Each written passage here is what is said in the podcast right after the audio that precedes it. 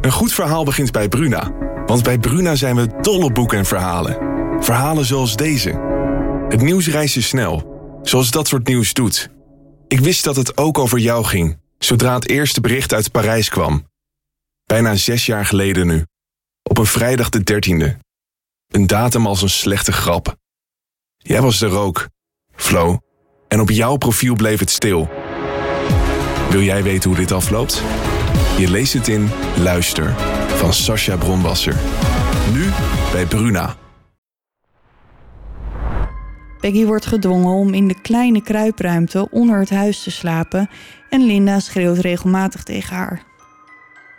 Een van de kinderen herinnert zich dat Linda Peggy in het hoofd steekt met een hooivork. Snel ontdoet hij zich van zijn verwarring, raapt hij zijn moed bijeen en begint te praten. Hij weet niet precies tegen wie of wat, maar het lijkt effect te hebben. De atmosfeer in de kamer voelt nu rustiger dan eerst. Nu heb ik hem, nu heb ik hem, schreeuwt ze. Nu staat hij echt nooit meer op, die oude John Bell. Hij is een slechte man en zal de eeuwigheid in de hel doorbrengen.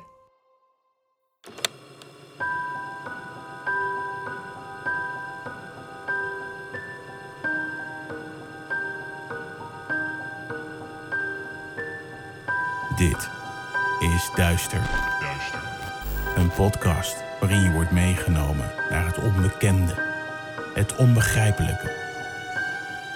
Zwarte bladzijden van de geschiedenis komen voorbij. Hier hoor je de verhalen achter moord, doodslag en onverklaarbare gebeurtenissen. We kruipen in de hoofden van een serie moordenaars, heksen, mythische wezens. Luister. En huiver naar duister. Hallo, lieve duisteraars. Hallo. Welkom bij aflevering 62. Ja, absoluut. Daf heeft snot Ik heb snot alweer. en ik ben er nog steeds niet vanaf. het houdt niet op. Het was geen corona, maar ehm, wat het wel is, weet ik ook niet, want het gaat maar niet weg. Ik loop hier dus alweer twee weken mee. Joepie. Ja, ik denk niet dat je de enige bent. Nee. Hoe is het verder? Ja, eh, de, de ruk wel. Ja? Ik heb natuurlijk een nieuwe baan. En daar eh, blijf ik maar mee bezig op de een of andere manier. Want eh, ik werk, zoals jullie wel weten, voor tv. En als er dan ineens een oorlog uitbreekt, dan ja, ben ik dus ook heel druk. Ja. Ja, dat krijg je ervan. Wel een dynamische baan. Heel dynamisch. En ik, ik, ik, ik moet zeggen, eh, het was wel pittig om de podcast eh, bij te houden de afgelopen maanden. Maar het is gelukt en ik heb weer een nieuwe aflevering klaar. Dus ehm volg hoe je moet tegenaan. Hè? Mooi zo. En jij dan? Ja, gaat goed. Nou, mooi. Ik zit in mijn in mijn spookhuis. Oh ja. En ik maakte vorige keer natuurlijk de grap van over, weet je, zoveel dokters. En het kan niet anders dan dat het er spookte. Dus nou ja, ik zat eh, vorige week s'avonds op de bank. En eh, de hond en de, en de poes lagen bij me. Maar een van de achterdeuren kan niet op slot. Oh, dat lijkt me heel onpraktisch. Nou ja, de buitendeur kan wel op slot. Dus er zit wel een deur tussen. Maar een van de deuren kan dus niet op slot. Er zit wel een ketting op. En ik zit een beetje tv te kijken. En op een gegeven moment denk ik, nou, wat hoor ik nou? En die hond en die kat, die zaten ook gelijk alle twee in opperste paraatheid naar de deur in de gang te kijken. En ik dacht, nou, het zal toch niet? Heb ik nou een spook? Is het een inbreker? Maar de hond ging er ook niet naartoe of zo. Dus ik dacht op een gegeven moment, nou, ik ga toch maar even kijken. Want het klonk namelijk alsof er een deur open ging. Dus ik loop op een gegeven moment de keuken in. Staat de vaatwasser wagenwijd open. Zeg maar. En ook gewoon echt zo plat opengeklapt. Maar is het scharniertje niet gewoon een beetje lam? Nou, en ik dacht dus, nou, kan het nou? Dus ik, de eigenaar van dat huis, geappt van... joh, eh, de vaatwasser stond in één keer open. Heb je dat wel eens eerder gehad? Nou, nee, hadden ze nog nooit gehad. Dus ze zeiden, nou, ik ga wel kijken. Maar ik dacht ondertussen, nou, is dit dan mijn eerste spook? Is er iemand die het niet eens is met de vaatwasser? of zo? Geen idee. Geen idee. Maar je hebt niks geks gezien verder. Verder niet, nee. En later kreeg ik de volgende dag een berichtje. Hadden ze een beetje gegoogeld wat er aan de hand kon zijn. Blijkbaar zit er een knopje op die je in kan drukken. En dan gaat hij, zeg maar, als hij klaar is met, met vaatwassen... dan gaat de deur open. ja, dan kan die vast ontwasemen. Ontwaas me, ja. En, eh, maar de, de deur is zeg maar kapot. Want normaal trek je een vaatwasserdeur... en dan valt hij niet gelijk in één keer helemaal open. Nee. Ehm, dus normaal springt hij dan open op een kiertje... en dan kan hij inderdaad gewoon een beetje eh, ontluchten. Maar hij was nu gewoon helemaal naar beneden gekeild. Ja, dus helaas nog steeds geen spook. Hmm. Hmm. Het had Nou ja, zo mooi eh, kunnen zijn. Hou ons op de hoogte. Ja, ik, ik heb nog een paar weken te gaan... dus wie weet wat er nog gebeurt. Ach, daarom. Nou ja, we doen het eh, meestal aan het einde, maar ik dacht, we halen het eens eens naar voren. Onze socials, want daar kun je ons natuurlijk vinden. We zijn er een tijdje uit geweest, maar jullie wisten ons gelukkig wel te vinden. Ja, gelukkig wel. Gelukkig wel. We hebben jullie niet hoeven... Ik weet dat jullie ons hebben gemist... maar wij hebben jullie niet per se gemist. Want jullie waren er gewoon nog. maar we hebben jullie wel gemist. Maar niet echt. Snap je? Nee. nou goed, eh, je weet ons ondertussen te vinden, dus dat is fijn. En eh, laat ook vooral een leuke review achter. Dat eh, vinden we altijd erg leuk om te lezen. Ja. Dat kan op Apple. Ja, Apple Podcast. Apple Daar kun je inderdaad een eh, review achterlaten. Of op Jackpot. Jackpot? Jackpot, nee, Jackpot. Jackpot. Ik zal heel goed articuleren vandaag. prettig, Daphne, het- heel ik ben, een- prettig. Ik ben een beetje nasaal, sorry daarvoor. Ja, Jackpot. Ja, maar ehm, ik heb dus echt heel hard gelachen om sommige reviews. Vertel. Heb je, heb je er eentje? Nou, ik heb er hier eentje. Ehm, spookachtig leerzaam en luguber interessant. In het duister kan ik zelfs zien als het hier aanstaat. Heb ik toch de ogen dicht dan? dat ik echt denk, huh? Maar oké. En, een ander zegt, eh, voor ieder wat wil, moord, paranormale zaken worden behandeld. Niet zo statisch voorgelezen, ze gaan vaak op elkaar in. Zeker op de momenten wanneer ik als luisteraar denk, wat de f- heerlijk. Ik heb het idee dat ik bij hen aan de keukentafel zit. Nou, dat vind ik dan, dat vind ik dan echt superleuk om te lezen, dat jullie het zo eh, Ja, naar je zin hebben. En mag, mag ik even zeiken? dan weet ik niet. Wat ga je zeggen? Nou, er is iemand die heeft echt een review achtergelaten dat je denkt: oké, deze meiden zouden misschien even hulp moeten krijgen van iemand met meer ervaring om de boel aan te pakken. Iets meer to the point en minder oninteressant geleuter tussendoor.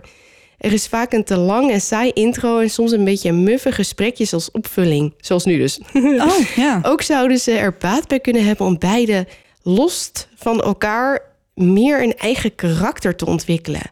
Ze praten elkaar vaak na en zijn moeilijk uit elkaar te houden. Nodig anders eens iemand uit.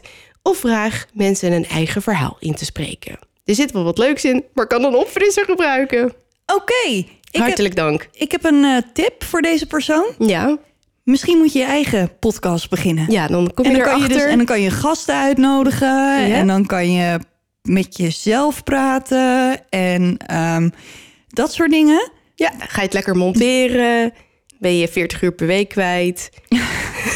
Maar serieus, we, ik, ik denk ook dat we ehm, soms wel moeilijk uit elkaar te houden zijn. Maar aan de andere kant, we kennen elkaar meer dan 20 jaar.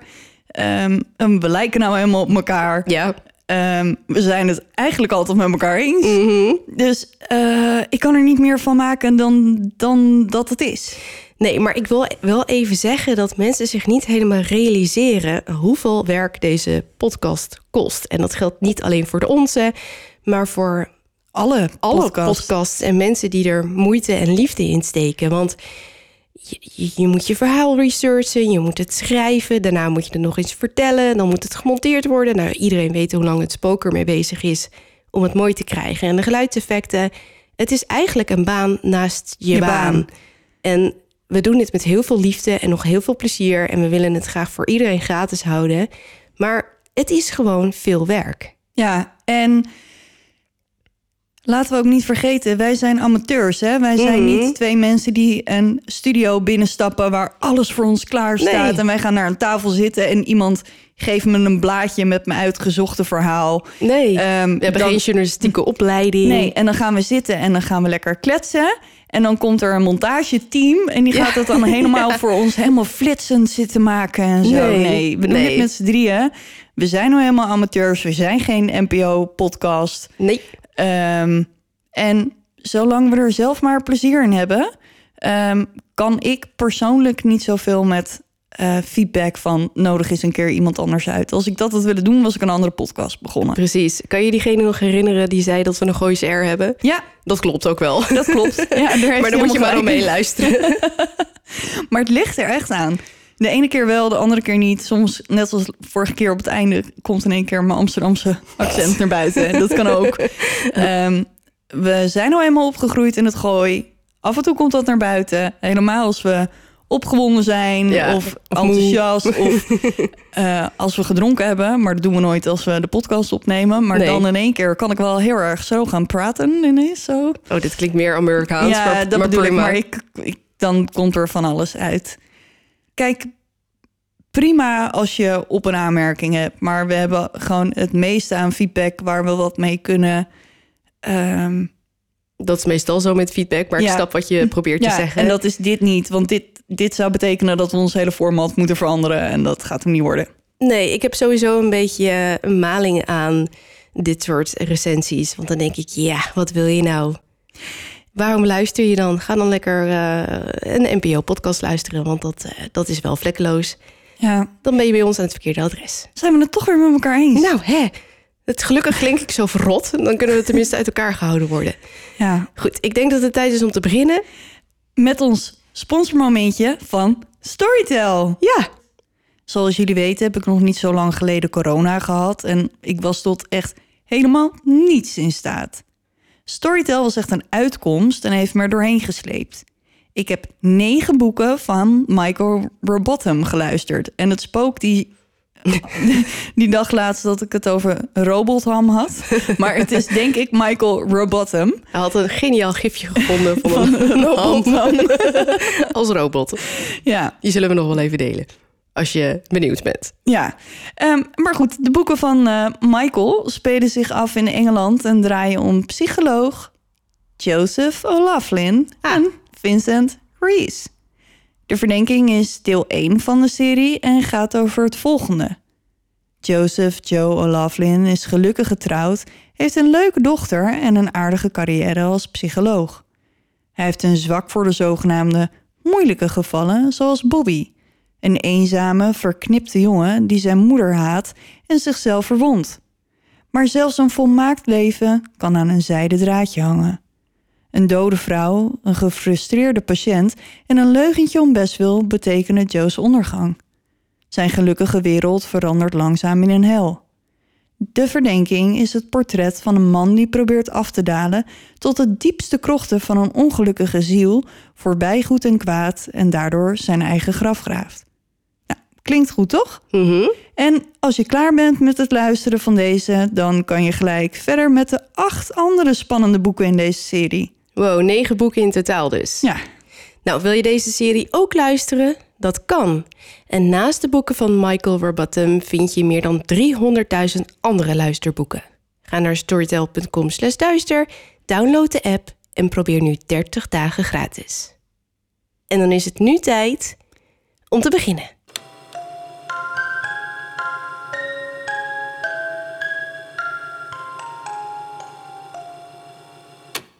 Vandaag vertel ik het verhaal van Raisin Jane Doe. Op 21 juli 1999 laten een man en zijn dochter hun hond uit op het platteland van Raymond in Racine County. En Racine County ligt in Wisconsin. Hij loopt iedere dag dezelfde route, maar deze keer is er iets anders dan anders. Ze zien iets dat lijkt op sleepsporen op de weg die naar een maisveld leiden. Ze gaan op onderzoek uit en volgen de sporen een maisveld in. Als de dochter door de maisstengels heen kijkt, ziet ze het gehavende, levenloze lichaam van een vrouw. Op haar lichaam zitten meerdere blauwe plekken en haar arm, die gebroken lijkt, ligt in een onnatuurlijke houding achter haar. Ze heeft een zwarte joggingbroek aan, een western herenoverhemd met parelmoeren knopen en een rood geborduurd bloemenpatroon en haar voeten zijn bloot. Ze is nat van de regenbui die de avond daarvoor over Raymond trok. Zoals ik al zei, deze man loopt iedere dag diezelfde route en de dag daarvoor was hem niets ongewoons opgevallen. Ze kan er dan ook nooit lang gelegen hebben. Ze schakelen de politie in die gelijk een onderzoek start. De grond onder het lichaam van de vrouw is droog, wat betekent dat ze in het veld is neergelegd voordat het begon te regenen. Ze is hoogstwaarschijnlijk niet op die plek vermoord, maar ergens anders en na haar dood naar het maisveld gebracht. Uit de autopsie blijkt dat de vrouw gebroken ribben heeft. Sommige breuken zijn oud, sommige zijn nieuw. Ze heeft wonden op haar hoofd en een gebroken neus. Haar lichaam is voor 25% bedekt met iets wat lijkt op chemische brandwonden. En dat is nog lang niet alles. Ze zit onder de schaafwonden en andere wonden. Ze heeft een gespleten lip. Ze heeft uitslag op haar romp en links heeft ze een bloemkooloor. Een wat? Oh, daar hebben we het al eens eerder over gehad. Ehm, daar hebben we het inderdaad eerder over gehad. Maar even in het kort. Een bloemkooloor is een beschadiging van het kraakbeen... waardoor er een verdikking in het oor ontstaat. En dat lijkt dan op een soort van bloemkool. Hm. Eh, je ziet dit vaak bij bijvoorbeeld boxers... of ehm, mensen die aan andere contactsporten doen. En het ontstaat vaak door harde klappen en wrijving op het oor. Ah, nou, bedankt dan- voor de opheldering. Ja, ik wist dat, eh, dat je erom ging vragen. Dus Mhm. ik dacht, ik eh, gooi het er nog even in.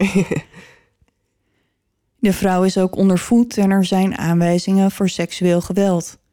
Er wordt vastgesteld dat de vrouw zo'n 12 uur voordat ze gevonden wordt is overleden. In haar bloed zijn geen sporen van alcohol of drugs te vinden. En haar doodsoorzaak is moord door vergiftiging door langdurig chronisch misbruik. Wow.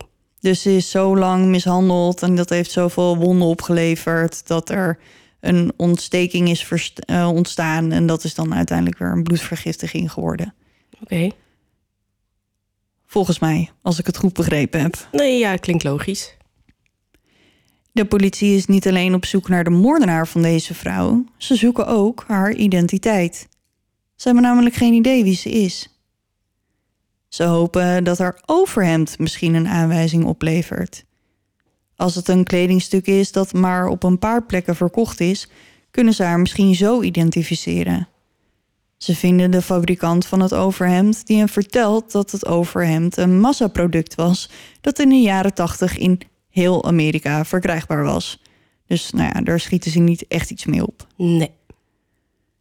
De vrouw werd gevonden zonder sieraden, dus via die weg kunnen ze haar ook niet identificeren, al heeft ze wel twee gaatjes in elk oor.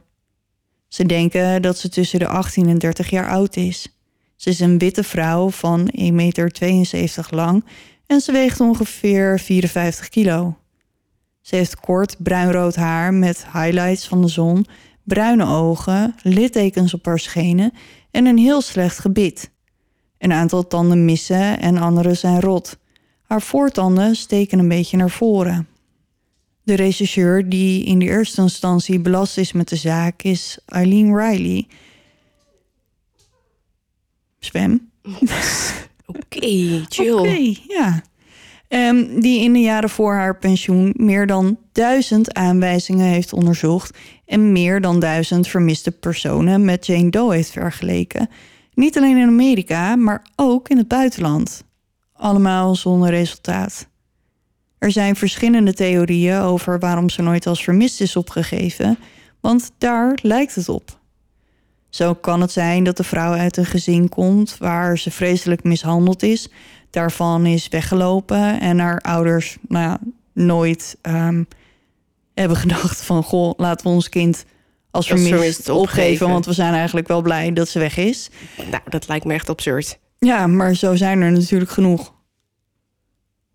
Ja, je trekt een heel eh, geïrriteerd hoofd. Ja. Ja. Het kan ook zijn dat de vrouw uit het buitenland komt en dus nooit in Amerika als vermist is opgegeven. Na maanden onderzoek zonder zicht op het vinden van de moordenaar of haar identiteit wordt ze op 27 oktober 1999 begraven op de Holy Family begraafplaats in Caledonia Waar laten ze zo'n lichaam dan de hele tijd? In de vriezer. in de vriezer. Hm. Ja. Er komen 50 mensen om haar de laatste eer te bewijzen en op haar grafsteen stond dochter Jane Doe en de data waarop ze gevonden werd en de dag dat ze wordt begraven. Op de steen staat ook de volgende zin: weg, maar niet vergeten. De politie stopt nooit met het onderzoek. Er is altijd iemand mee bezig en in 2013 besluiten ze haar op te graven en DNA bij haar af te nemen. Haar DNA werd toegevoegd aan een database voor vermiste personen, maar ze krijgen geen match. Op 21 juli 2015 wordt ze opnieuw, precies 16 jaar nadat ze gevonden werd, begraven. Het Smithsonian doet een isotopentest. Ik heb het hier eerder over gehad in aflevering 1 bij de Isdalwoman. In het kort de samenstelling van de aarde, dus gassen, mineralen, chemische verbindingen, variëren van regio tot regio. Het voedsel dat we eten, zowel dierlijk als plantaardig, kan laten zien waar we geweest zijn, omdat het voedsel een unieke samenstelling van de aarde absorbeert. Als we dat voedsel eten, absorberen we ook die gassen, mineralen en chemische verbindingen. Bepaalde isotopen kunnen zelfs na de dood in tanden en botten gevonden worden, dus de onderzoekers hopen dat deze hen een aanwijzing geven over waar Jane Doe precies vandaan komt. Uit de test komt dat Jane Doe waarschijnlijk een groot deel van haar leven in Alaska, Montana of Zuid-Canada heeft doorgebracht. In 2018 kondigt sheriff Christopher Smaling aan dat ze DNA-databanken zoals JabMatch gaan gebruiken in de hoop dat ze via die weg een familielid van Jane Doe kunnen identificeren. Zoals we weten heeft dit de afgelopen jaren een hoop moordenaars de kop gekost omdat hun DNA ineens gematcht wordt met een familielid maar er hebben ook een hoop Jane en John Doe's hun naam teruggekregen. Dit is helaas niet het geval bij Race en Jane Doe, maar de politie blijft hopen. Volgens Christopher is het niet de vraag of ze haar identiteit vinden, maar wanneer. In 2019 krijgen ze een tip van een bezorgde burger uit Cape Coral, Florida, die tot een mega grote doorbraak leidt. Ze neemt contact op met de politie in Racine County als iemand haar en andere mensen vertelt dat ze iemand vermoord heeft in Illinois als ze gezellig samen in een kroeg zitten. De vrouw is de 63-jarige Linda LaRoche. Ze gaan uiteraard gelijk aan de slag en komen te weten dat Linda in 1999 in McHenry, Illinois woonde, samen met haar man en kinderen. In oktober 2019 ondervraagt ze een van haar kinderen en die vertelt ze dat er in 1999 een jonge vrouw bij hem woonde, Peggy Lynn Johnson. De politie neemt contact op met de halfzus van Peggy en vergelijkt hun DNA. Het is een match. Racing Jane Doe is Peggy. Ze vragen de halfzus de informatie nog even voor zich te houden totdat ze de identiteit van de Jane Doe bekendmaken. Peggy wordt geboren op 4 maart 1976 in Illinois. Ze groeit op bij haar moeder en stiefvader en als Peggy 18 is, overlijdt haar moeder. Ik weet niet zeker of ze ook contact had met haar biologische vader, maar na het overlijden van haar moeder staat Peggy er zo goed als alleen voor. Ze heeft alleen nog een halfzus die ze nooit ontmoet heeft. En ja, ik weet, ik weet verder niet hoe de familiesituatie verder in elkaar zat op dit moment. Oké. Ehm, maar goed, Peggy komt op straat staan en ze is dakloos. Peggy heeft een cognitieve stoornis en kan wel wat hulp gebruiken. De politie heeft nooit openbaar gemaakt wat die stoornis precies inhield voor Peggy, maar iemand met zo'n stoornis kan tegen verschillende problemen aanlopen, waaronder leerproblemen, aandacht- en concentratieproblemen, oriëntatie, waarnemen, denken, plannen maken, problemen oplossen, het nemen van initiatieven en inzicht in de eigen situatie. En ik weet dus niet wat er dan precies van toepassing was op Peggy. Ja, het zal vast uh, niet allesomvattend zijn, uh, denk ik. Nee, Nee, dus nou ja, het kan, kan ook alleen een leerachterstand geweest zijn of nou ja, zoiets. Op een dag loopt ze een medische kliniek binnen en daar ontmoet ze de 54-jarige verpleegkundige Linda LaRoche. Linda, die inziet dat Becky deze stoornis heeft, biedt Becky een plek aan in haar huis in McHenry, een buitenwijk van Chicago. Ze belooft Becky dat ze haar zal helpen met het behalen van haar middelbare schooldiploma en haar kost en inwoning zal geven. In ruil daarvoor verwacht ze dat Peggy als schoonmaakster en oppas voor haar kinderen aan de slag gaat. Peggy grijpt deze kans met beide handen aan en trekt in bij het gezin van Linda. Volgens Linda's kinderen, die nu volwassen zijn, zijn de vijf jaar daarna de hel op aarde voor Peggy. Ze beschrijven de omstandigheden als onmenselijk. Peggy wordt gedwongen om in de kleine kruipruimte onder het huis te slapen en Linda schreeuwt regelmatig tegen haar. Een van de kinderen herinnert zich dat Linda Peggy in het hoofd steekt met een hooivork. Linda slaat en stond Peggy regelmatig tegen haar hoofd. Als Peggy een keer een blauw oog heeft en gevraagd wordt hoe ze, hoe ze daaraan komt, antwoordt ze met: Je moeder heeft me geslagen. Ze krijgt amper te eten en zit altijd onder de blauwplekken en schrammen. De man van Linda geeft toe dat Peggy werd mishandeld door zijn vrouw. En dat de kinderen nooit iets aan deze situatie hebben gedaan, kan ik ze niet kwalijk nemen. Maar die man?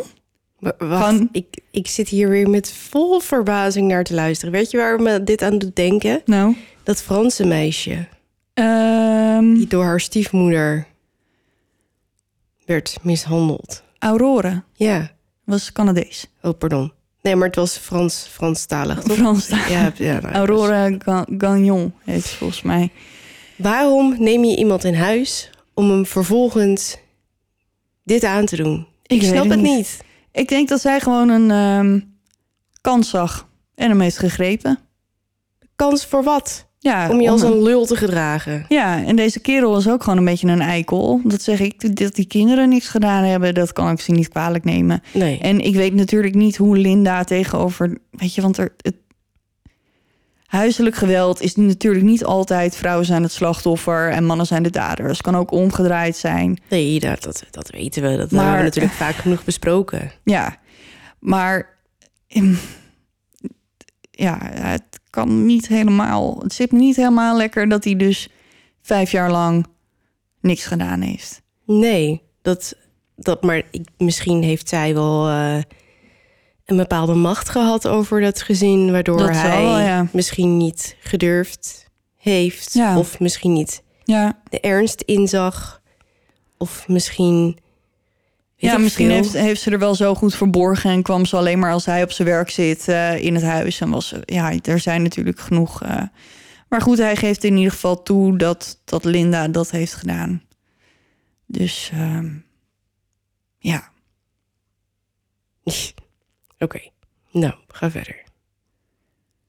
De laatste keer dat Peggy levend gezien werd was in juli 1999.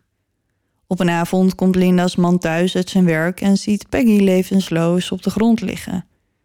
Linda is bij haar en ze dirigeert haar man het huis uit. Of hij de kinderen even mee wil nemen voor een ijsje, zodat zij zich kan bezighouden met Peggy. Want volgens haar heeft Peggy een overdosis pillen genomen die ze gestolen heeft van Linda. Tuurlijk. Mhm. De man verlaat het huis samen met zijn kinderen en Linda rijdt naar Racine County om zich van Peggy te ontdoen. Ze legt Peggy in het maïsveld en maakt dat ze wegkomt. Tweeënhalf uur later is ze weer thuis en het is net alsof Peggy nooit bestaan heeft. Ze belt 911 niet, haar man doet dat ook niet en niemand geeft Peggy als vermist op. Op 5 november 2019 wordt Linda opgepakt en wordt haar moord en het verbergen van een lijk ten laste gelegd. Ze is nu 63 jaar en woont in Cape Coral, Florida. Ze heeft een bedrijf dat medische zorg verleent aan gevangenissen. Een van haar contracten, die 18.000 dollar per maand oplevert, wordt gelijk stopgezet als ze gearresteerd wordt. Dit was niet Linda's eerste ervaring met de politie, aangezien ze op het moment van haar arrestatie al een andere aanklacht aan haar broek had hangen voor het veroorzaken van een ongeluk terwijl ze dronken was. Hmm. Lekker type. Mhm. Als ze haar verhoren, geeft ze de mishandeling van Peggy toe. Volgens haar deed ze dat omdat Peggy medicijnen van haar stal en omdat ze vreemde mannen in haar huis uitnodigde. En die medicijnen? Volgens Linda nam ze die mee naar huis vanuit de gevangenis waar ze werkte en die bewaarde ze dan in de kruipruimte omdat er in de gevangenis geen geschikte plek was om ze te bewaren. En Peggy zou dan in de kruipruimte kruipen om de medicijnen te stelen. Ja, ja. Mhm. Lekker verhaal. Ja, want dat doe je ook gewoon. Je neemt gewoon medicijnen van je werk mee naar huis. En welke gevangenis heeft hij nou niet een kluisje om... Nou goed, eh, bullshit. Ja. Ik kan er heel lang verhaal over houden, maar nee, hoeft niet. Linda zegt dat ze op de avond dat Peggy vermist raakt... ze de keuken binnenkomt lopen en Peggy ziet staan met een handvol pillen. Ze slikt de pillen en Peggy valt op de grond, bewusteloos. Linda, de verpleegkundige, doet niets om Peggy te helpen. Ze heeft er wel aan gedacht om 911 te bellen, maar besluit toch maar om dat niet te doen. Zoals Peggy wel zat. Ze was onhandelbaar en Linda kon het allemaal niet meer aan. Nee, nee, dat is een lekker verhaal naar de politie toe. Mhm, Ja. Terwijl ze op de keukenvloer zit, gaan de ogen van Peggy open, want blijkbaar komt ze weer bij. Linda besluit dat genoeg genoeg is en neemt Peggy mee naar een restaurant in de buurt waar ze Peggy haar oma laat bellen om haar op te komen halen. Ze wacht samen met Peggy op haar oma en als de oma er is, laat ze Peggy bij haar achter en Linda gaat naar huis. Dat was de laatste keer dat Linda Peggy zag. En die vrouw die weet niet dat er zoiets bestaat als een alibi. Nee, En dat ze die dus niet heeft, want dit kan dus gewoon Ja. aangetrokken worden. Ja, want de politie neemt uiteraard contact op met de oma van Peggy. Ja. Ehm, die hem vertelt dat ze helemaal nooit een telefoontje heeft gehad van Peggy. En ze haar dus ook nooit is komen halen. Als de politie met dit verhaal bij Linda terugkomt, verandert het verhaal. Hm. Ze wist niet precies wie Peggy was komen halen, maar ze heeft haar echt bij iemand anders achtergelaten. De volgende dag komt ze weer met een nieuw verhaal. Nadat Peggy de pillen heeft geslikt, rijdt ze haar naar Wisconsin, waar ze haar ergens op het platteland uit de auto laat. Gewoon ergens langs de weg in de middle of nowhere. Mhm. Volgens haar is Peggy helemaal niet gewond of zo. Dus er moet iets met haar gebeurd zijn nadat ze haar daar achter heeft gelaten. Ja, want eerst was het oma en toen wisten het niet zeker en nu dit. Uh-huh. Ja. Sorry, maar die... even- hmm, hoe, ja, nou, god, ik ben weer sprakeloos. Ja, ja, ja. En nou ja, dit is misschien wel even een mooi moment om jullie eraan te herinneren dat tijdens de autopsie is gebleken dat Peggy helemaal geen alcohol, drugs, wat dan ook in haar bloed had of iets anders dat erop wijst dat ze een hoop pillen heeft geslikt. Dus dat hele verhaal van ik kwam binnen en ik zag Peggy Een een, hand. handvol met pillen eh, in haar keel gieten, klopt ook niet helemaal. Nee. En iedereen zal zich nu al afvragen waarom Peggy nooit als vermist is opgegeven. Het lijkt erop dat Peggy nooit heel close was met haar familie. De laatste keer dat ze haar familie zag was in 1998 op de begrafenis van haar halfbroer, die overleed toen hij 18 was. Peggy werd opgehaald bij het huis van Linda door haar stieftante en na de begrafenis werd teruggebracht. Blijkbaar wisten ze dus wel waar ze verbleef, Ehm, en het was de tante niet opgevallen dat Peggy mishandeld werd. Daarna heeft niemand meer contact met haar gehad. Ze ging ervan uit dat Peggy een fijne baan had en een familie die voor haar zorgde. Af en toe belde haar stiefvader om bij te kletsen, tot hij in 1999 Linda aan de telefoon kreeg. Die zei dat hij moest stoppen met bellen omdat Peggy naar Californië was vertrokken om bij haar biologische vader te gaan wonen. Hierdoor dacht iedereen dat ze al die tijd bij haar vader woonde en daarom nooit meer contact met de rest van de familie opnam. Ze heeft in de tijd dat ze ze nog wel sprak, dus nooit verteld hoe ze behandeld werd. Haar familie realiseert zich pas dat Peggy al die jaren vermist is geweest en als Racine Jane Doe bekend staat als ze haar naam op het nieuws horen. Ze hadden geen idee. Na haar arrestatie wordt Linda overgebracht naar Illinois om daar terecht te staan voor de moord op Peggy. Ze komt niet in aanmerking voor een prodeo-advocaat. Ze moet zelf een advocaat in de arm nemen. En ze schijnt iets van zes keer voor de rechter te zijn gekomen zonder advocaat. En ondanks dat ze vijf huizen bezit en haar bedrijf lucratieve contracten lijkt te hebben met gevangenissen, ehm, schijnt ze verder niet zo heel veel geld te hebben. En kan dus ook geen normale adv- gewoon niet gewoon zelf een advocaat betalen. Beetje vaag verhaal. Eh, Oké. Ja, dus wat ze doet, ze verkoopt een van de huizen, maar het geld dat de verkoop opbrengt, gebruikt ze om schulden af te betalen. Hè? Ja, en om een advocaat te betalen moet ze een tweede huis verkopen. En nou na al die tijd is het geduld van de rechtbank wel op en ze wijzen haar een advocaat toe, zodat ze verder kunnen met het proces. Want het begint er inmiddels gewoon een beetje op te lijken dat ze gewoon een beetje maar tijd zitten rekken. En eh, Ja. ja. Op 25 juni 2020 pleit Linda niet schuldig. Wat een verrassing, hè? Maar het is- wat, wat, maar oké. Wacht, die vrouw die heeft toch zelf ook een stoornis? Het kan toch niet dit? Ja, nou ja, maar goed, het, is, het gebeurt natuurlijk wel vaker dat mensen dit doen. Ehm, en op 16 maart 2022, dus echt super kort geleden, eh, bevindt de jury Linda schuldig na een overleg van maar 90 minuten. Oké. Haar straf is nog niet bekend, want volgens mij krijgt ze die pas in mei te horen. Ah, Ehm, want het is echt super recent dat dit dus is opgelost. Ehm, maar ik kan me niet voorstellen dat het een hele korte eh, straf wordt. nee. Maar eh, eventjes nog recapitulé. Zij heeft zelf gebeld dat ze een moord heeft gepleegd? Nee, nee. Zij heeft, ze zat zeg maar in de kroeg ergens.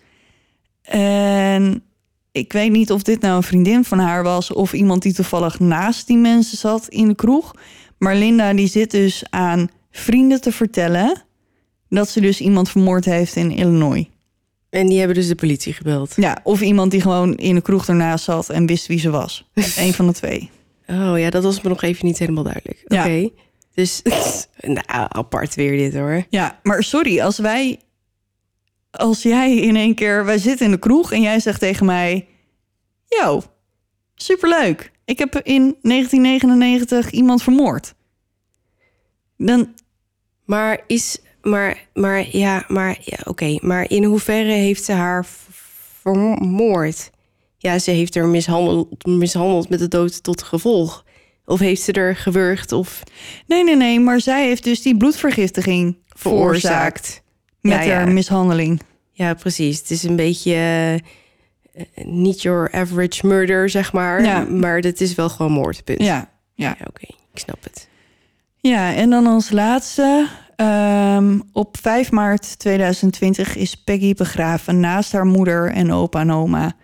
Eindelijk, na al die tijd, is ze terug bij haar familie en heeft ze haar naam terug.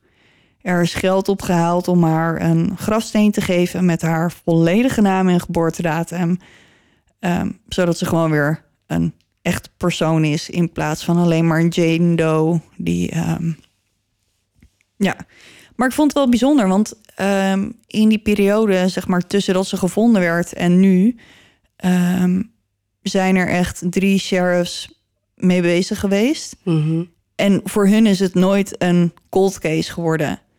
Het heeft nooit ergens liggen verstoffen. Er is altijd iemand mee bezig geweest. En ze zijn zo gemotiveerd geweest al die tijd om, eh, om in ieder geval haar naam te vinden.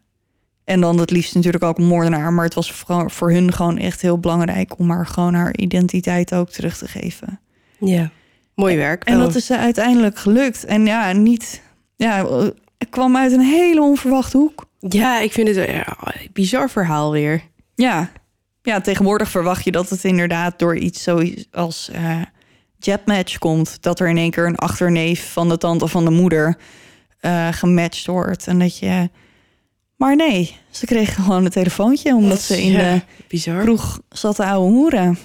Ja, maar dan ben je toch gewoon stom? Ja, dan ben je echt stom. Dan ben je niet heel slim. Nee, maar goed, eh, dat bleek dus ook wel. En blijkbaar lag ze haar bedrijf. ehm, ik heb het niet opgeschreven, maar eh, lag haar bedrijf ook onder vuur omdat er op een gegeven moment een eh, gevangene zelfmoord had gepleegd. En daar had zij ook iets mee van doen, geloof ik. Dus ja, Nou, het klinkt een beetje als een loesje business, die vrouw. ja, maar dan gewoon voor de gevangenis werken. Hè? Dus ik, eh, ze zal alle ins en outs wel kennen. Ja. Eh, ze mag er heel lang gaan zitten, En nu dus, mag ze, ja, Lekker brommen. kijken wat ze van de zorg vindt. ja, dus oké. Ja. Goed, Ben je klaar voor die van jou? zeker.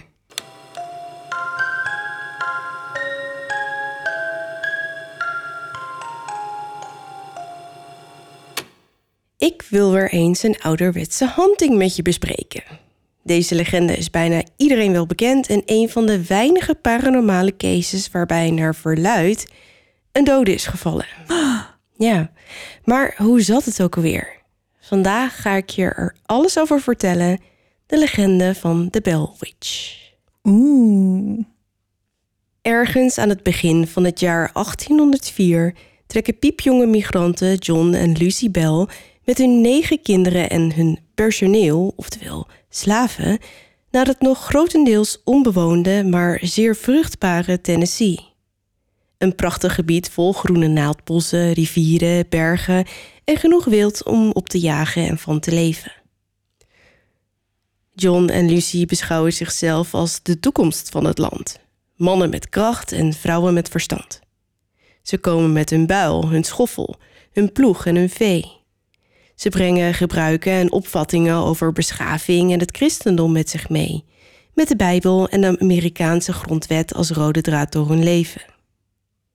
Grootse dromen om steden en spoorwegen aan te leggen komen nog helemaal niet in hun op.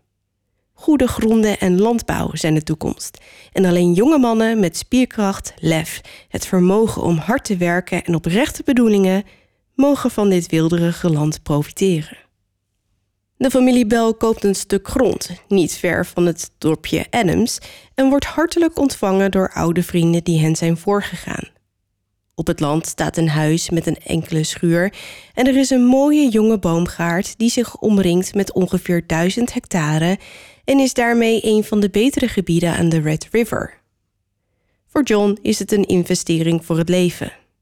Hier zullen zijn kinderen tot goede mensen opgroeien. Hier zullen ze leren hoe ze hun steentje kunnen bijdragen aan de gemeenschap. Zijn vrouw, Lucy, is mooi en intelligent met een prachtige glimlach die John telkens weer week maakt. Ze is een lieve, goede, maar ook sterke moeder. En John zelf is ook een indrukwekkende verschijning.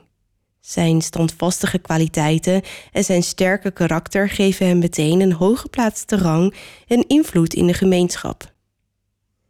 En die gemeenschap kenmerkt zichzelf door hun gastvrijheid. Buren helpen elkaar en werken samen aan de vooruitgang van het dorp door middel van onderwijs in het christendom. Ze stichten een school, bouwen een kerkje en bidden iedere zondag samen. Veel hebben ze niet nodig. Ze verbouwen land voor katoen en vlas, houden schapen voor wol en maken hun kleding thuis met behulp van een spinnenwiel en een weefgetouw. De schoenmaker heeft zichzelf geleerd om huiden te looien en doet dat in een naburige leerlooierij naast de verkoop van zijn schoeisel. Iedere maandag is er markt. Kooplieden bieden daar hun goederen aan, meegenomen vanuit Philadelphia en New Orleans. En er is zelfs een dokterspraktijk. Artsen zijn schaars in het land en mensen van heinde en verre trekken naar het dorpje voor een medisch bezoek. Er zijn bijna twaalf jaar verstreken sinds John Bell zijn intrek heeft genomen in het nieuwe huis aan de zuidelijke oever van de Red River. Zijn kinderen groeien precies op zoals hij had gehoopt toen hij hier net kwam, en het geluk lacht hem en zijn gezin toe. Hij is een van de rijkste en meest invloedrijke mannen in een gemeenschap geworden. Gerespecteerd om zijn integriteit, zijn toewijding aan het christelijk geloof en zijn gastvrijheid. Zijn huis is een geliefde plek, een ontmoetingplaats voor buren en vaak het middelpunt van sociale aangelegenheden. Zo ook bijvoorbeeld voor zijn elfjarige dochter Elizabeth, liefkozend Betsy genoemd.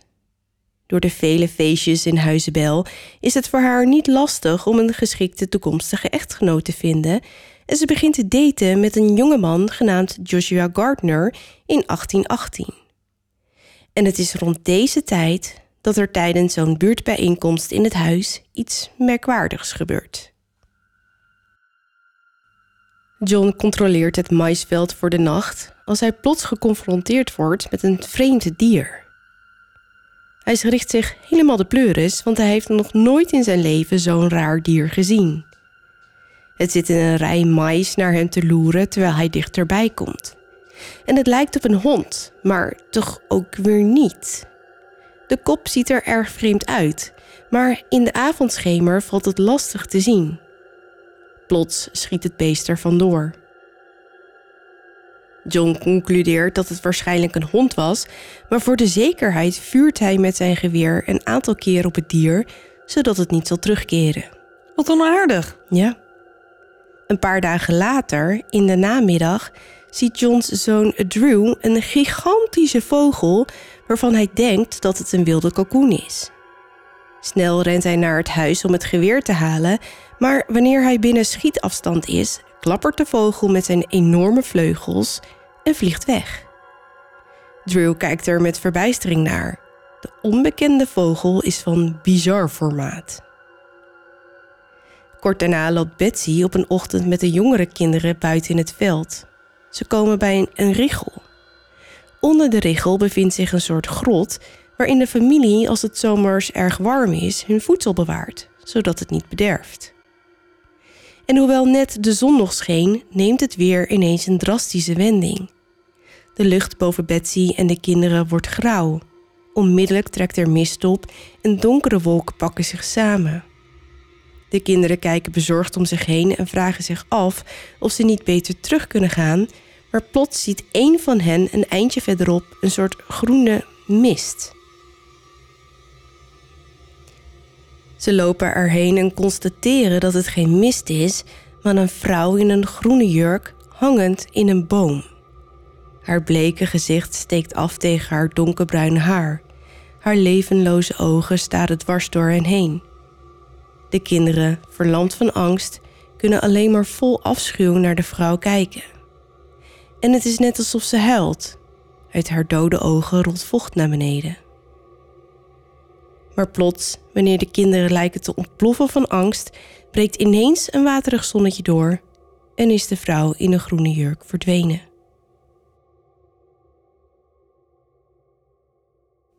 Later die avond komt Dean, de bediende, melden dat na het bezoek aan zijn vrouw Kate er een enorme zwarte hond met een vreemde kop voor hem op de weg was gaan zitten. Deze verschijningen gaan een tijdje lang door en er gebeuren meer vreemde dingen. De kinderen horen vaak gebonk op het huis van buitenaf. De bedden van de jongens rammelen en Betsy hoort het geluid van slepende kettingen in haar kamer. Ook horen ze een absurd soort gegrom, als dat van vechtende honden. John heeft andere vage klachten. Soms kan hij ineens niet meer praten. Het is alsof zijn tong dan helemaal lam wordt. En het lijkt wel alsof er een stokje overdwars in zijn mond zit, zijn beide wangen naar buiten drukkend. En wanneer hij probeert te eten, duwt het stokje het eten uit zijn mond. Deze rare klachten duren een jaar of iets langer en in de hoop dat de onrust zou ophouden, vraagt John zijn familie om het hele gebeuren geheim te houden. Betsy vindt dat geheim houden maar niks. Zij wordt s'nachts wakker omdat er aan haar haar getrokken wordt. Ook fluistert er iemand in haar oor en hoort ze een vreemd laag gegrom. De andere kinderen worden wakker met hun dekens in een hoek van de kamer en het gebonk in het huis lijkt erger te worden. En weer is het Betsy die het meeste verduren krijgt. Blauwe plekken op haar lichaam, kneuzingen in haar nek. Het jaagt haar de stuip op het lijf. Hoe angstaanjagend de gebeurtenissen ook zijn, geen van de buren of vrienden buiten de familie heeft enig idee over wat er aan de hand is in Huizenbel. Totdat Betsy op een nacht gillend wakker wordt met een felrode afdruk van een hand op haar buik. John voelt zijn dochters wanhoop, maar weet zich geen raad. Betsy ziet haar vriendje Joshua Gardner amper, want die blauwe plekken in haar nek kan ze maar niet aan hem uitleggen. Hij zal niet geloven dat niemand binnen de familie daar verantwoordelijk voor is, behalve de entiteit, blijkbaar, die het zijn meisje haar leven zuur maakt. En dat is het punt waarop het onmogelijk wordt om de zaak nog langer verborgen te houden. John stort zijn hart uit bij zijn vriend James Johnson en diens vrouw. En het is vooral die laatste die eist dat zij en haar man de nacht zullen doorbrengen in Huizenbel, in de hoop dat James misschien in staat is om enig licht op het mysterie te kunnen werpen. John Bell, enigszins verbaasd, Stem toe. Want ja, je weet maar nooit. Die avond gaat John het gezin en hun gasten voor in het gebed. Aan de eettafel leest hij een stuk voor uit de Bijbel en gezamenlijk zingen ze een hymn. In stilte bidt John vurig en hij vraagt aan de Heer de vreemde gebeurtenissen die hen nu telkens zo overvallen te laten stoppen. Of in ieder geval te tonen waarom, of door wie ze worden veroorzaakt. Zodra iedereen in bed ligt en de laatste zijn licht heeft gedoofd, gaat het al mis.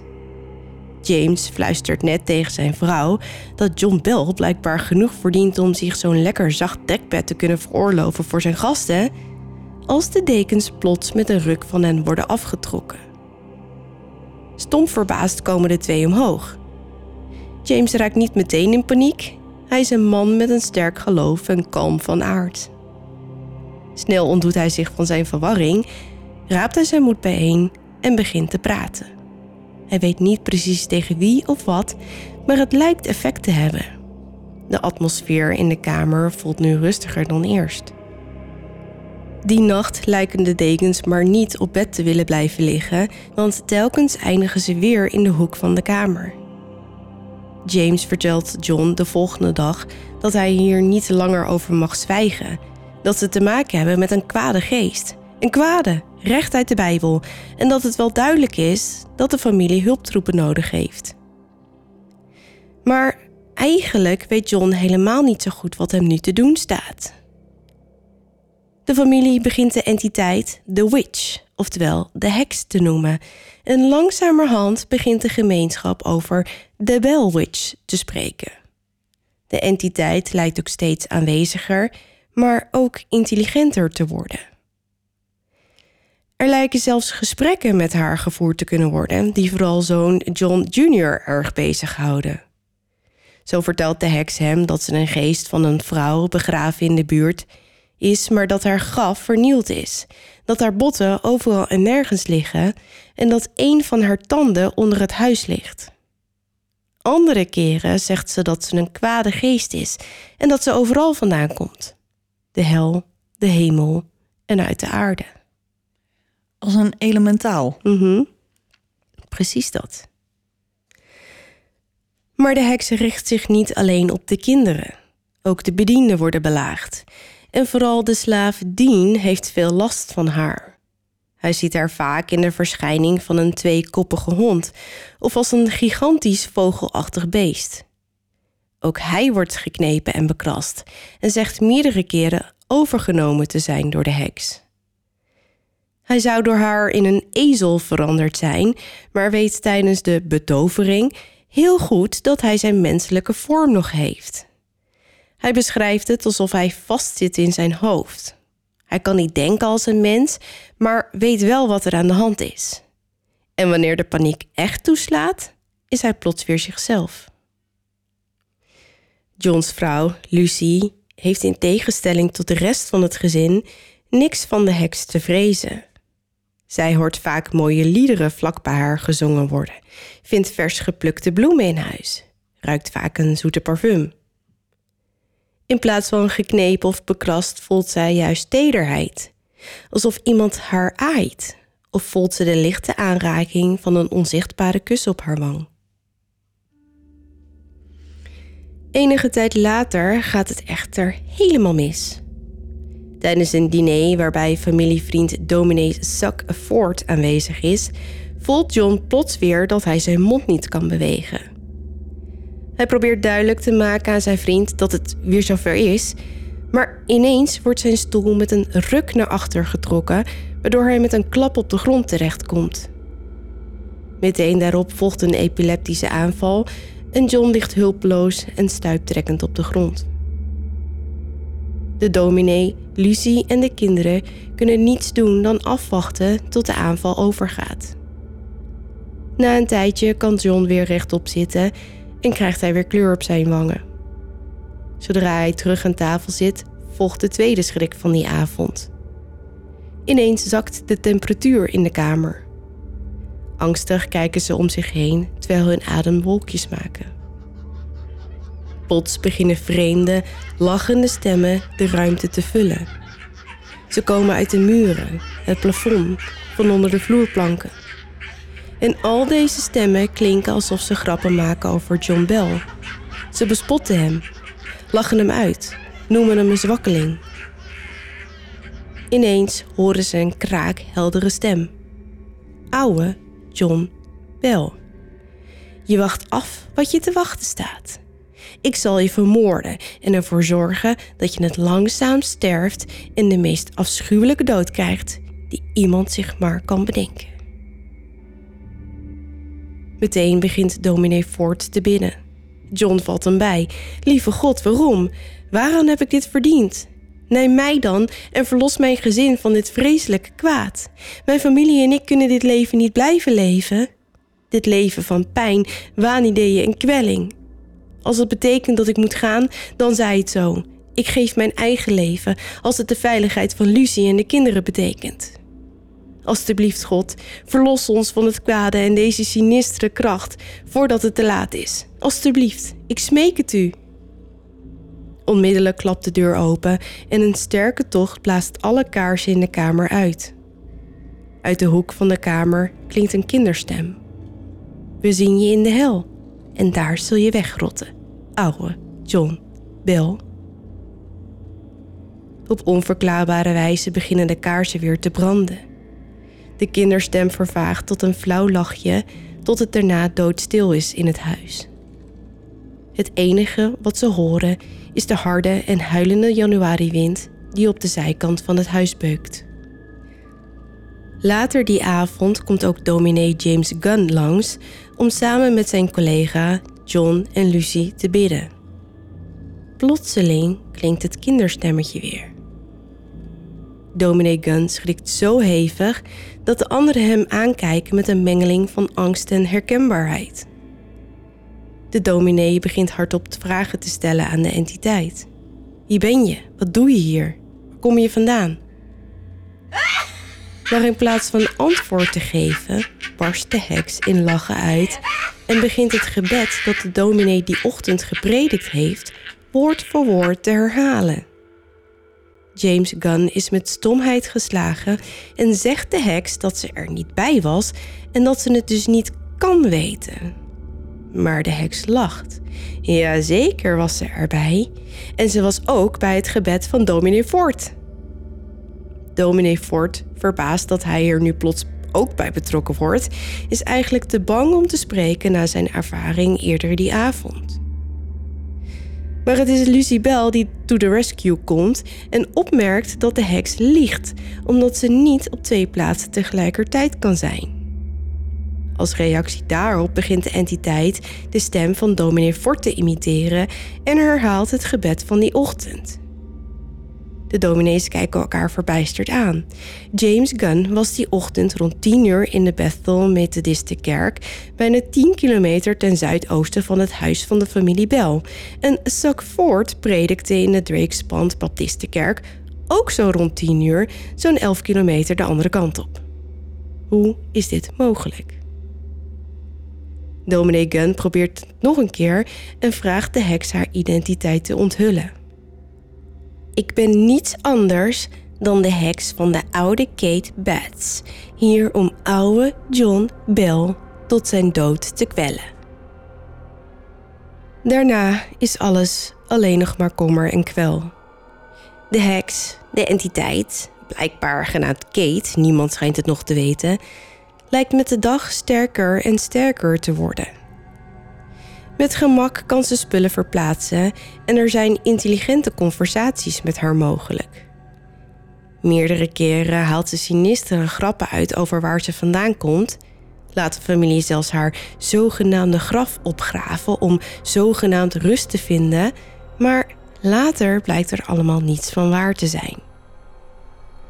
Tegen vrienden van de familie hangt de heks telkens andere verhalen op. Ze zou de geest van een klein meisje uit North Carolina zijn. Ze zou een Indiaanse vrouw zijn waarvan het graf verstoord werd. Meerdere keren worden de kletsverhalen nagetrokken, maar wederom blijken het allemaal leugens. En op een voorjaarsdag gebeurt er weer iets bizars. Familievriend Billy Wall besluit langs te komen om al dat geklets over heksen zelf eens te ondervinden. Wanneer hij op een paar kilometer van het huis is, hoort hij plots de stem van een vrouw vanuit de bosjes. Hij laat zijn paard halt houden en vraagt wie er is. De stem vraagt of hij soms op heksenjacht gaat bij de familie Bell. William antwoordt bevestigend. De stem zegt dat ze niets liever wil dan meegaan. William is de moeilijkste niet en nodigt de tot nu toe onzichtbare persoon in de bosjes uit om dan maar achterop zijn paard te springen. Maar in plaats van een persoon strijkt er een ijskoude stroom lucht langs hem heen en krijgt zijn Mary ineens de sporen, maar niet van hem. Het arme dier gooit haar hoofd in haar nek, hinnikt uit pijn en stuift in volle galop er vandoor. William wordt bijna van haar afgeworpen, maar hervindt zijn balans en met grote moeite blijft hij zitten. Boos draait hij zich om om te zien welke idioot zomaar zijn paard te sporen geeft, maar er is niemand. William is helemaal alleen. Bij het huis aangekomen wordt hij door de heks uitgelachen. William raakt geërgerd en vraagt zich hardop af wie die heks, die Kate, nou eigenlijk denkt te zijn. Want ja, wie is of wie was Kate eigenlijk? Kate en Frederick Betts woonden op ongeveer anderhalve kilometer van de familie Bell, op wat nu bekend staat als Bell's Crossing. De familie Betts was groot, bestaande uit Kate en Frederick, één zoon en vijf dochters. Kate onderhield het grootste deel van de familie en hun bedrijf omdat haar man invalide was. Kate Betts werd als pompeus beschouwd en had een zeer uitgesproken, soms vulgaire mening. Ze was vaak het onderwerp van het gesprek, omdat men haar ervan verdacht dat ze op zoek was naar een andere man, omdat ze Frederick maar lastig leek te vinden. Maar er was nog meer vreemds met haar aan de hand. Kate was een geheimzinnige vrouw die zich bezig leek te houden met zwarte magie. Degenen die haar tegenwerkten in het leven kregen te maken met vreemde en ellendige gebeurtenissen, zoals ongelukken, pech of plotselinge sterfgevallen. Ze stond erom bekend een koperen speld bij zich te dragen van elke vrouw die ze had ontmoet. In die tijd werd gedacht dat het dragen van andermans speld bepaalde macht over die persoon zou geven. Wat voor speld? Een koperen speld.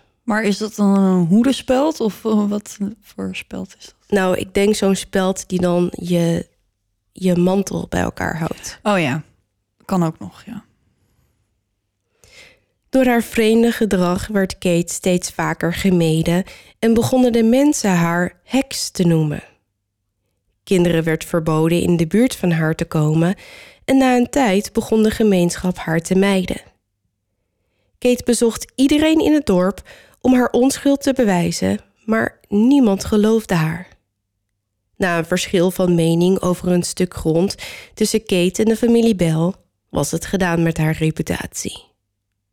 Naar verluid raakte Kate verbitterd en op haar sterfbed zwoer ze die ellendige John Bell het leven zuur te maken tot in de eeuwigheid.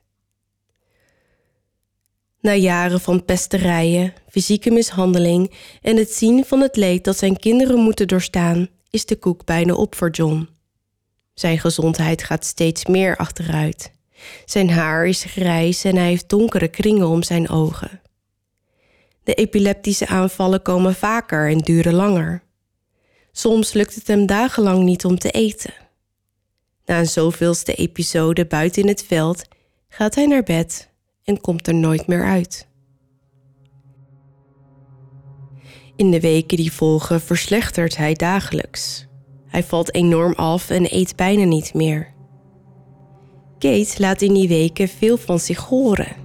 De andere familieleden horen haar vrolijk zingen en neurieën alsof ze geniet van de aftakeling van hun geliefde vader. Lucie en de kinderen waken dag en nacht Vrienden en verre familie brengen een laatste bezoek. En dan, op de vroege ochtend van 19 december, wil Betsy haar vader wakker maken voor het ontbijt, maar merkt dat zijn ademhaling onrustig is en dat hij bewusteloos is geraakt. Snel roept ze om haar moeder en Lucy snelt naar haar man. En terwijl ze dokter Hobson laat komen, valt haar iets op. De medicijnflesjes die ze al weken gebruiken, bevatten ineens een zwarte, stroperige vloeistof, in plaats van het doorzichtige goedje wat ze normaal aan John geeft. Plots horen ze Kate schril en hysterisch lachen. Nu heb ik hem, nu heb ik hem, schreeuwt ze. Nu staat hij echt nooit meer op, die oude John Bell. Hij is een slechte man en zal de eeuwigheid in de hel doorbrengen, zegt een kinderstem vanuit de hoek in de kamer.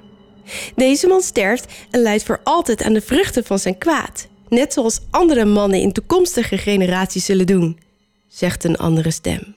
En zo zal het zijn, en zo zal het zijn, zeggen nu alle drie de stemmen in koor. Dr. Hobson, die net is binnengekomen en het hele spektakel heeft aanschouwd, wordt boos. Hij sommeert Kate hem te vertellen wat ze in de medicijnflesjes heeft gedaan en hoeveel ze John ervan gegeven heeft. Kate lacht alleen maar harder. Daar is het kinderstemmetje weer. Dokter, ik heb het daar alleen maar neergezet. Ik heb hem gerepareerd, die oude John Bell. Ik heb hem een grote dosis gegeven. Ineens, zonder waarschuwing, begint John hevig te schokken en met zijn hoofd te schudden. Dr. Hobson probeert zijn patiënt te kalmeren en nadat John meerdere keren heeft overgegeven, zakt hij weg in een diepe coma. De kinderen zijn radeloos. Wat is er toch met hun vader aan de hand? Wat heeft de heks hem gegeven? Wat is dat voor ranzig goedje? Ze besluiten het te testen op de huiskat. Wat? Ja, een van hen vangt het beestje terwijl de anderen zijn bekje open forceren en gieten het goedje naar binnen. De kat sterft binnen luttele minuten.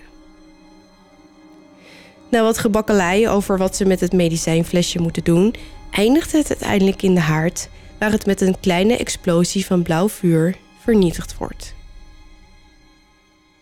De volgende morgen, op 20 december, blaast John Bell in het bijzijn van zijn familie en de kinderen en Dr. Hobson zijn laatste adem uit. En terwijl Lucy begint te snikken, horen ze Kate door het hele huis hysterisch lachen. John wordt begraven vlakbij de boerderij. Kate laat niet veel meer van zich horen, maar de familie is haar nog lang niet vergeten en vooral Betsy niet. Ze is zo verdrietig dat haar vader niet bij haar huwelijk met Joshua Gardner zal zijn, nu hij haar eindelijk gevraagd heeft. Maar tijdens Pasen overkomt Betsy een tweede trauma. Zij en Joshua zijn samen uit vissen wanneer plots donkere wolken samenpakken en er een dikke mist optrekt. Het gebeurt zo plotseling dat de twee moeite hebben om te ademen. Angstig kijkt Betsy naar Joshua. Ze heeft dit al eens eerder meegemaakt. Vanuit de bosjes horen ze een maar al te bekende stem. Het is Kate, die haar vertelt dat ze niet met Joshua moet trouwen. Als ze dat doet, dan zal Kate haar en haar kinderen het leven zuur maken. Het is te veel voor Betsy en die middag nog verbreekt ze de verloving. Met een gebroken hart verlaat Joshua Gardner het dorp om nooit meer terug te keren. Betsy trouwt niet lang daarna met haar oud-leraar Richard Powell. Na hun huwelijk merkt de familie weinig meer van de heks. Het lijkt alsof ze haar zin heeft gekregen. John Bell dood, Betsy Bell leeft, maar met een gebroken hart. Maar toch is dit niet het einde van de heks. Op een late middag in mei 1821 staan Lucie en de kinderen te praten in de gang als plots de ruimte is gevuld met rook. Uit de rook komt een bal gerold die vlakbij Lucie's voeten tot stilstand komt. Daar klinkt de stem van de heks. Tot ziens, Lucie. De komende zeven jaar zul je mij niet zien. Ik zal je huis bezoeken, evenals elk ander huis in dit gebied, bij mijn terugkeer. Afscheid. De mysterieuze bal schiet de haard in waar hij opgaat in blauwe vlammen. Terwijl de familie blij is met het vertrek van Kate, is Betsy de enige die dat niet is. Haar gebroken hart ontneemt haar alle levenslust. Dagenlang ligt ze op bed te huilen, terugdenkend aan de fijne tijd met Joshua. hopend dat ze wakker wordt uit deze nare droom. Zeven jaren lang blijft het kalm in Huizenbel. De rust lijkt eindelijk teruggekeerd. De familie denkt steeds minder aan Kate. Een enkele keer durven ze zelfs te hopen dat de heks helemaal niet meer zal terugkomen, ondanks haar belofte. Maar tevergeefs. Het is rond februari 1828 wanneer er geklop gehoord wordt in het huis. De nog thuiswonende kinderen horen het geratel van kettingen. Maar het is zoon John Jr. die de terugkeer van de heks kan bevestigen. John Jr. heeft een fascinatie voor het Amerikaanse leger, die ontstaan is nadat hij diende tijdens de slag om New Orleans. Hij ligt in bed een boek te lezen over deze slag als hij plots een maar al te bekende stem hoort. Al vloekend schreeuwt hij tegen de heks dat ze op moet sodemieteren en dat ze niet meer welkom is. Kate lacht. Ze vertelt hem dat er nog een veel bloederiger oorlog zal volgen, één die het einde betekent van alle oorlogen, een term die vaak aan deze periode refereert. Later realiseren de achter-achterkleinkinderen zich pas wat Kate bedoelde: de Eerste Wereldoorlog. Kate's laatste bezoek aan John Jr. is ergens in maart 1828. Tijdens hun gesprek vertelt de heks hem dat hij zal sterven tijdens een oorlog en dat de nazaten van de familie Bell geen last meer van haar zullen hebben. En weer maakt ze een belofte. Ze zal nog één keer terugkeren. Over precies 107 jaar. Daarna is ze verdwenen. Dus als je nu denkt dat dit het einde is van de Bell Witch, dan heb je het mis. Het schijnt dat ze niet verdween, maar haar toevlucht zocht in de grot onder de richel vlakbij de boerderij van de familie Bell. Meerdere keren werd ze daar gehoord en gezien en een enkele keer maakte ze zichzelf kenbaar door een kind te redden. Het jochie had zich tijdens een spelletje in de grot in een gat gewurmd en was vast komen te zitten. Plots klonk er een stem die riep dat het kind geholpen zou worden en tegelijkertijd werd hij door een onzichtbare kracht uit het gat getrokken. Maar de vraag is natuurlijk: keerde de heks na 107 jaar, in 1935 dus, terug? En, en, en? Nou, het antwoord is ja, maar ook Nee? nee. Waarom? Nou, ik ga het vertellen. In de januari van 1937 liet de journalist T.H. Alexander uit Nashville de Bell Witch herreizen. In een artikel deelde Alexander dat hij en zijn schrijfpartner Ben Bass tijdens hun gezamenlijke onderzoek over de Bell Witch op een verrassende wending in de legende waren gestuurd. Ze kwamen erachter dat er een fout was gemaakt en dat de jaartallen niet klopten. De hek zou pas in 1937 terugkeren en niet zoals werd gedacht in 1935. Aha. Na elf jaar van angstaanjagende verschijnselen en een comeback in 1828 zwoer de heks om terug te keren na 107 jaar. Maar het onderzoek van de journalisten stelde vast dat de heks in 1827 vertrok en van plan was om 110 jaar later terug te keren. In 1937 dus. De fout kwam aan het licht met hulp van de achterkleinzoon van John Bell, Charles Bailey Bell, die persoonlijke verslagen van de familie bezat. In april 1937 meldde een journalist van de lokale krant vanuit het dorpje Adams dat veel inwoners van de gemeenschap zich zorgen maakten over de voorspelde terugkeer van de Bellwitch dat jaar. Vier maanden lang beschreven enkele bewoners een reeks angstaanjagende incidenten. Vreemde geluiden uit de Bellwitch Cave, een mysterieus gelegde maïszak, stroomuitval door het hele dorp en overal dode kippen. Sommigen beschuldigden de Bellwitch ronduit. Anderen waren terughoudend uit angst voor wraak van de heks. Verschillende ramptoeristen reisden vanuit omliggende dorpen om de vermeende entiteit te onderzoeken, waaronder een goochelaar die plannen had om een nacht in de Bellwitch Cave door te brengen. Een goochelaar? Een goochelaar. Ja, hij dacht goud in handen te hebben nadat hij haar met zijn eigen ogen zag, Maar de vermeende verschijning bleek slechts een steen te zijn. Een steen. Mhm. Misschien moet hij een bril? ja. En dan tot slot. De Bellwitch Cave is te bezoeken. De boerderij bestaat helaas niet meer. Je vindt er alleen nog de oude funderingen.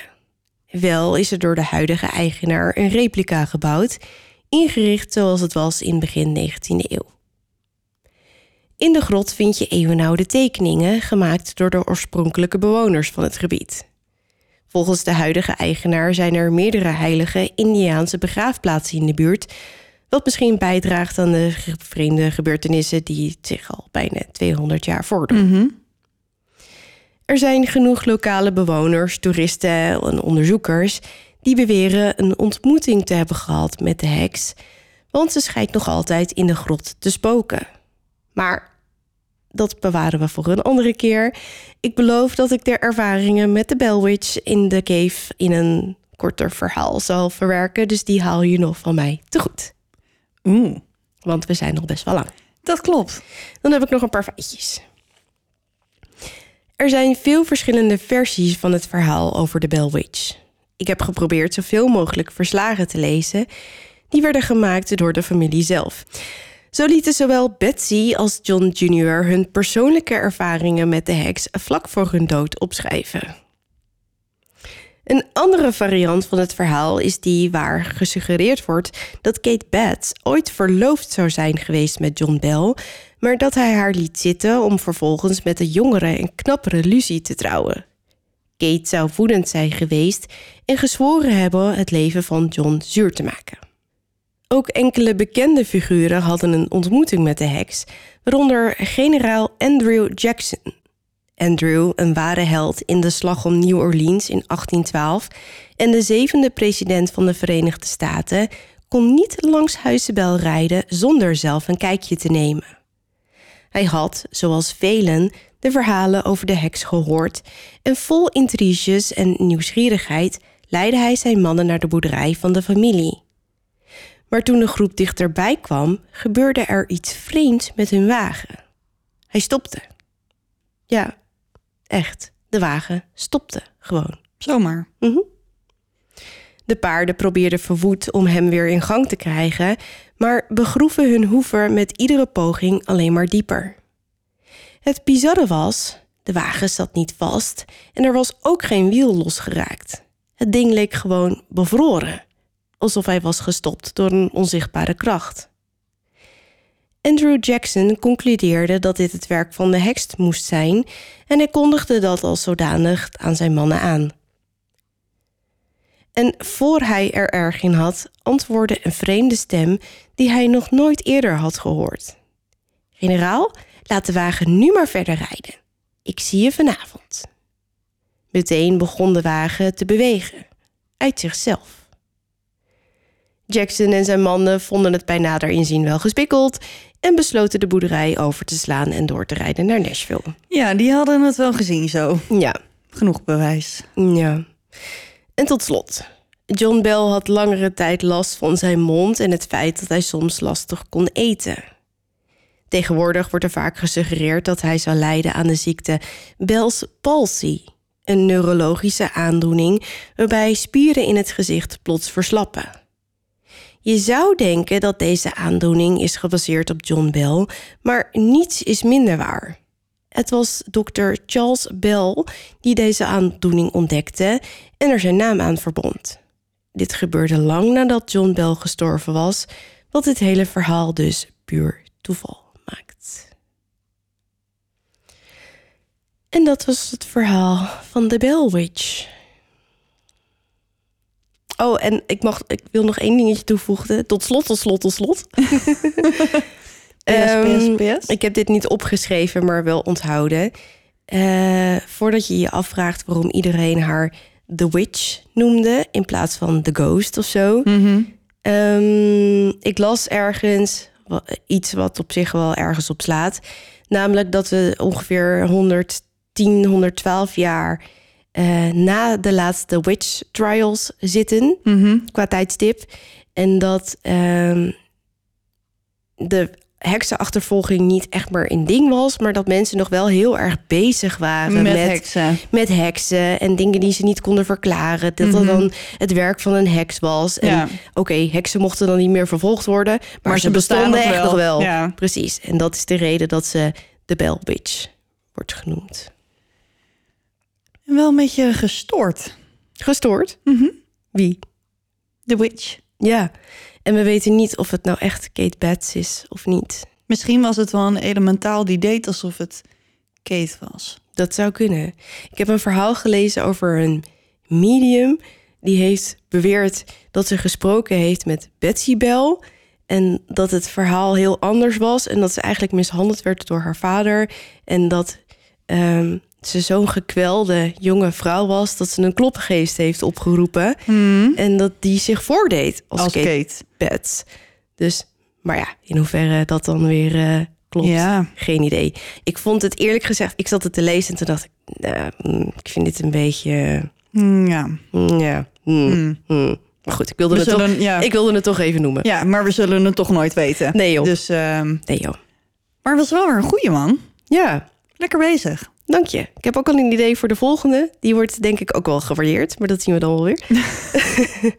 Nou, we zullen het zien wat voor reviews er deze keer binnenkomen. ja, heel benieuwd. Gaan we eens lekker voorlezen. Nee, maar serieus. Als je eh, een keer een review achterlaat... dan misschien gaan we gewoon volgende keer... ergens in een andere aflevering. Wat doe jij? Wie Het doet spook iets? zit echt vet raar te doen.